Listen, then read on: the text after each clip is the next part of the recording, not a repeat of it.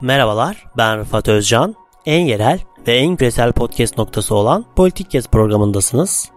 Bu programda ülkemizde ve dünyada meydana gelen gelişmeleri, iletişim, sosyoloji ve siyaset gibi alanlar üzerinden konuklarımla birlikte geniş bir perspektifle ele alıyorum.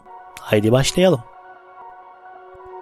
Merhabalar, Politik Kes Podcast programına hoş geldiniz. Ee, bugün Tarık Çelenk ile beraberiz. Kendisiyle son dönemde hükümetin değişen söylemini ve bu söylemin sonucunda olası bir Kürt sorununda bir yeni bir paradigma ortaya çıkabilir mi, çıkamaz mı? Bunu konuşuyor olacağız. Tarık Bey programa hoş geldiniz. Hoş bulduk Rıfat Bey. Teşekkür ederim. Olarak da e, şunu sormak istiyorum. Malumunuz son yıllarda alışa geldiğimizin dışında hükümet kanadından açıklamalar geliyor. E, hukuk reformu geleceği söyleniyor. Şeffaflık söylemi var. Uluslararası muhataplara vurgu var. Ekonomik özgürlüklere vurgu var. İşte Anayasa Mahkemesi'nin e, alt derece mahkemelerle ilti çekişmesine bir eleştiri var. Siz bu sürecin nedenin yaşanmasının nedenini neye bağlıyorsunuz? Ve bu sürecin sonucunda Kürt sorununda yeni bir gelişme olabilir mi? Yeni bir çözüm sürecinde daha sonrasında evrilme ihtimali var mıdır size göre? Yani tabii bu 2023 e, seçimlerinin selametine bağlıyorum. Yani 2023 seçimlerinin selameti iki temel üzerine oturuyor gözüktüğü kadarıyla.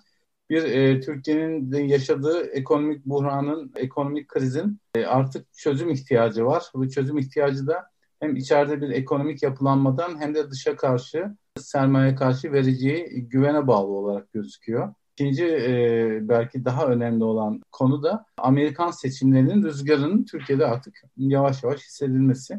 Yani Amerika'da artık popülist bir lider, popülist bir söylem, içe kapanmacı bir ekonomi değil de demokratların hakim olması ve demokrat rüzgarın Amerika'da başlaması. İşte demokrat rüzgar ne diyeyim? Ekonomide, enerji, silah sektörünün değil de ne bileyim işte yeni teknolojinin, kuantum teknolojinden oluşan sağlık sistemindeki reformlardan tutun, işte iklim değişikliğine e, verilen katkılardan tutun ve Amerika'nın müttefiklerinin e, demokrasi olan ilişkilerine kadar, işte hukukun üstünlüğüne kadar olan e, ilişkileri ve tartışmalara kadar. Tabii burada sorun şu, yani şimdi şu bir gerçek, yani Türkiye'deki sağ ve sol siyaset de Amerika'daki sağ cumhuriyetçi, sol e, işte demokratlar da şöyle bir ortak özellikleri var. Türkiye'deki sağ siyaset her zaman hizmette, serviste e, beceriklidir. Solsa yani hizmette ve e, diğer hususlarda beceriksizdir. Yani öyle bir algı var. E, aynı şekilde Amerika'da da cumhuriyetçilerin icraattaki becerileri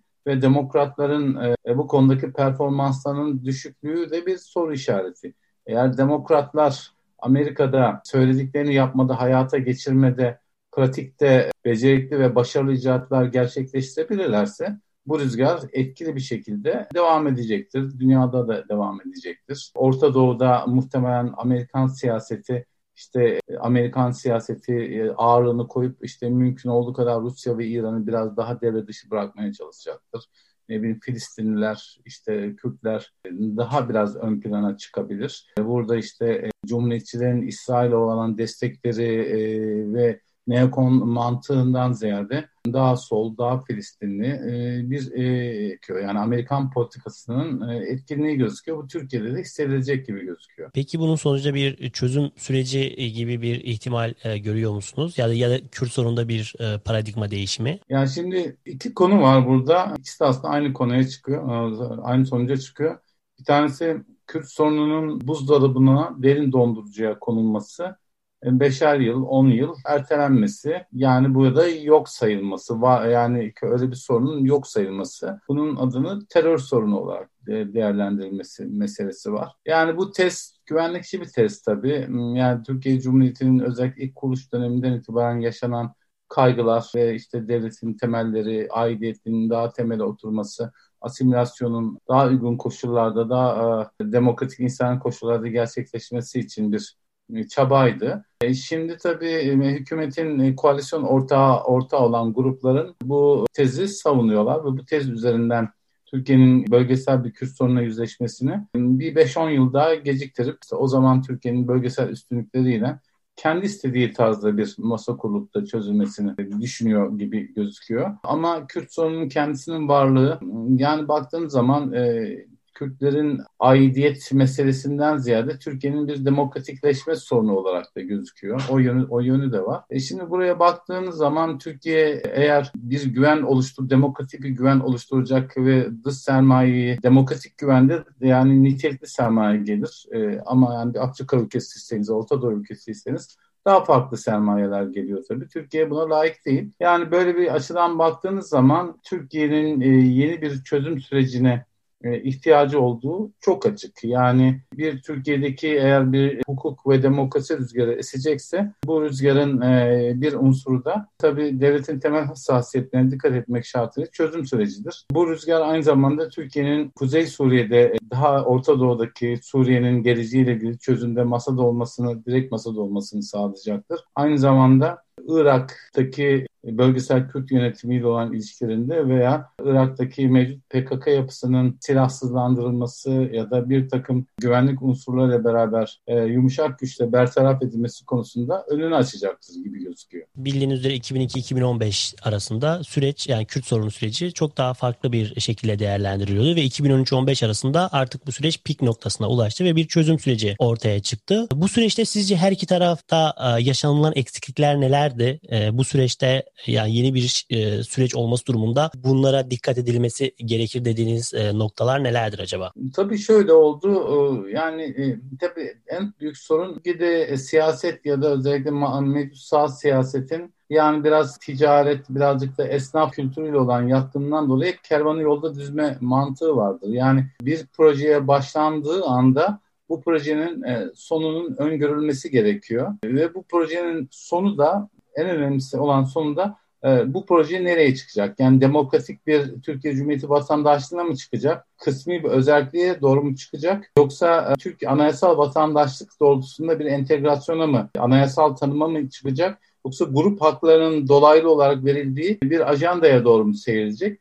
Bunlar e, belirsiz konulardır. Yani burada taraflar şöyle algıladılar. Özellikle Türkiye'nin devlet tarafı ya da siyasi kanadı Türkiye'de silahlı örgütün siyasi bir amacı olan ve terörde metod olarak kullanılan örgütün tamamen terörden arındırılması ve tamamen silahsızlandırılması olarak algılandı kabul edildi. Diğer şeyi örgütün de ilgili örgütün de yani hem terör metod olarak kullanan siyasi amacı olan e, PKK örgütünün de tamamen yerelde ve bölgesel alanda yerelde kendine aşamalı bir yetki devri olarak e, gördüler bunlar. Yani bakabil görebiliyor musunuz? İki konu ne kadar birbirine uçurum olan konular. Yani birisi kendisini e, yerel alanda dolaylı yetki ve kaynak devri olarak görüyor. E, bunun karşılığında silahsızlandırılma ve e, örgütün dönüşümü ama siyasi bir e, muhatap olarak hem ekonomik kaynaklı olarak hem de yönetimin kısmen kendisine devre olarak görüyor. Diğer diğer tarafta örgütün tamamen silahsızlandırılması olarak görüyor ama ortada herhangi bir entegrasyon projesi ve bunların konuşulduğu hiçbir alan yok. Yani biz akil adamlardayken bunu e, sorguladığım zaman kimse ne olduğunu m, tam olarak bilmiyordu. Ve hatta iki şey anlatayım. Ee, bir televizyon programına çıkmıştık. Karşında işte Yaşar Okuyan'la Cumhuriyet Halk Partisi milletvekili vardı. Bana CNN'de Şirin Payız'ın sormuştu siz akil adamlar olarak ne iş yapacaksınız diye sorduğu zaman ben pratik olarak biz halkı dinlemeye gidiyoruz diye söylediğim zaman o zaman ha tamam halkı dinlemek diye e, halk dinlemek üzerine biz raporlamalar falan hazırladı. Yani halk çözüm süreci daha üzerine ne düşünüyor? Zaten çözüm sürecini doğru tanımlamadığınız bir şeyin üzerine halk ne düşünebilir? Sonra ilk şey vardı akil adamlarla ilgili Isparta'da, Burdur'da ilk e, seyahatimizde. İşte tabii e, Türkiye Odalar Borsalar Birliği yanımızda olduğu için çok güzel bir organizasyondu. İşte orada köylüler ve yörükler bizi develerle falan karşıladılar. İşte çadırlarda büyük bir kahvaltı yaptık. Bütün medya basın mikrofonları uzattı. İlk demeçti. E, Rıfat Bey'e sordular. İşte köy muhtarları sordu. Ya Sayın Başkan bize bir çözüm sürecini anlatın. Çözüm süreci nedir diye sordular. Orada Rıfat Bey ile göz göze geldik. Sordu nedir diye. Yani öyle şey bir şekilde bir şey diyemedik. Çözüm süreci iyi bir şeydir dedi arkadaşlar. Ondan sonra herkes çözüm süreci iyi bir şeymiş diye başını sallamaya başladı. Yani Öyle bir süreçti. Tabii yani bu kadar da haksızlık yapmamak lazım. İyi niyetle başlanmış güzel bir adımdı. Ama tabii sonuç itibarıyla e, devam edemedi. Daha doğrusu fonksiyonlarını yaptılar bu akil adamlar grupları. Raporlarını hazırladılar. Yani ne bileyim biz işte mesela şeyde Antalya ve Akdeniz bölgesindeki şehit ailelerinin çoklu onlarla çok muhatap oluyorduk. Ya da işte Alevi tahtacı gruplarına. Yani şehit ailelerinin onur edilmesi gerektiğini, bu işlerde onların e, acılarının sık sık paylaşılmasını gerektiğini, onları sık sık zikredilmesini, onların işte sosyal ma manevi haklarının, maddi haklarının göz ardı edilmemesi konusunda e, vurgular yaptık ki zaten sonra onda da kısmen e, e, uygulandı. Yani yani 2013 ile 2015 arasında ben bunu görebildim. Bir de yani bu süreçte bildiğiniz üzere MHP'nin çok sert bir şey var, duruşu vardı çözüm sürecine. Şu an ise MHP e, iktidar ortağı e, ve bir yandan da aydınlıkçı bir ekip de e, var. Olası bir çözüm sürecinde MHP ve aydınlıkçı ekibin tutumu yine aynı mı kalır? Siz nasıl değerlendiriyorsunuz? Ya zaten ya biraz makyavelce baktığın zaman e, yani grupların her ne kadar ideolojileri biraz farklı olsa bile bence e, temel hedef iktidardır. İktidarda kalmak, iktidardan pay almak. Yani ama e, bence buradaki asıl farkı ideolojiler değil de metotlar belirliyor. Yani metotların farkı belirliyor. Yani şimdi e, aydınlık grubuna baktığın zaman onların sicilleri çok temiz değil. Ya da e, işte Türkiye'de bundan önce devlet adına görüşen işte Ergenekon'dan yargılanan isimleri de Ergenekon olarak üzerinde kalan gruplar da zamanla böyle süreçleri sivil toplum ondan sonra mevcut siyasi iktidar değil ancak biz görüşürüz. Biz neyle görüşürüz? Gideriz İmralı'ya pazarlığımızı yaparız ya da gideriz şuraya buraya pazarlığımızı yaparız. Böyle hallederiz tarzında bir yaklaşım tarzları var. Yani bence burada metotta bir sorun var baktığınız zaman. Yani kim sonuç itibariyle Türkiye'nin Kürt sorunun çözülmesini istemez yani bu çok tartışmalı bir konu. Ama yani AK Parti'nin şu anki mevcut iktidar unsurlarının yeni bir çözüm sürecinde kendinin iktidarda kalıp kalamayacakları sorunsalı daha önemlidir diye düşünüyorum. Yoksa çözüm sürecinin niteliği ne olacağı, ne biteceği e, hiç önemli değil gibi geliyor bana. İstanbul seçimlerinin ilk aşamasındaki alelacele verilen kararlarda bunun başka bir göstergesi. Vahap Bey'e de hatırlatmıştım. 23 Haziran seçimleri öncesi Öcalan'ın mektubuna Devlet Bahçeli'nin destek verdiğini hatırlatmıştım. Belki yani buradan yola çıkarak yani siyasi bir pragmatizm göstererek yine çözüm sürecine de MHP destek verebilir mi diye yöneltmiştim ona da soruyu. Bir MHP'nin iktidar denkleminden kalıp kalmayacağı MHP için önemli burada. E, ikincisi de MHP'nin kendi seçim seçmen tabanını anlatabileceği bir şeyler bir hikayesi olması lazım. Onda pek zorlanacağını düşünmüyorum. Yani burada metot Machiavelli gibi iktidar denkleminde kalırlarsa böyle bir çözüm süreci kimseyi rahatsız etmez. Ama böyle bir çözüm sürecini eğer mevcut iktidar gene liberallerle, gene sivil toplum unsurlarıyla yapmak isterse mevcut koalisyon içinde bunları yapmaları da imkansız gözüküyor. E, MHP'nin bir şekilde yani zaten o 2013-15 arasında zikredilen eksikliklerden biri de CHP ve MHP'nin de sürecin içinde bir şekilde dahil olmaması idi. E, belki bu süreçte böyle bir şey de olabilir. Son olarak da şunu sormak istiyorum. Olası bir çözüm sürecinde e, bakanlar kurulu da buna göre dizayn edilir mi? Yeni bir e, ekip gelir mi e, belli kritik bakanlıklarda? Yani şurada düşünüyorum. Yani burada tamamen Türkiye'deki Türkiye'deki son dönemdeki yönetim lider yönetimi. Yani burada Sayın Erdoğan e, bunu istedikten sonra e, başta İçişleri Bakanı dahil olmak üzere yani ki zaten İçişleri Bakanı'nın eski şeyleri videoları falan da var. Yani çözüm sürecinin en radikal savunan videolar da var.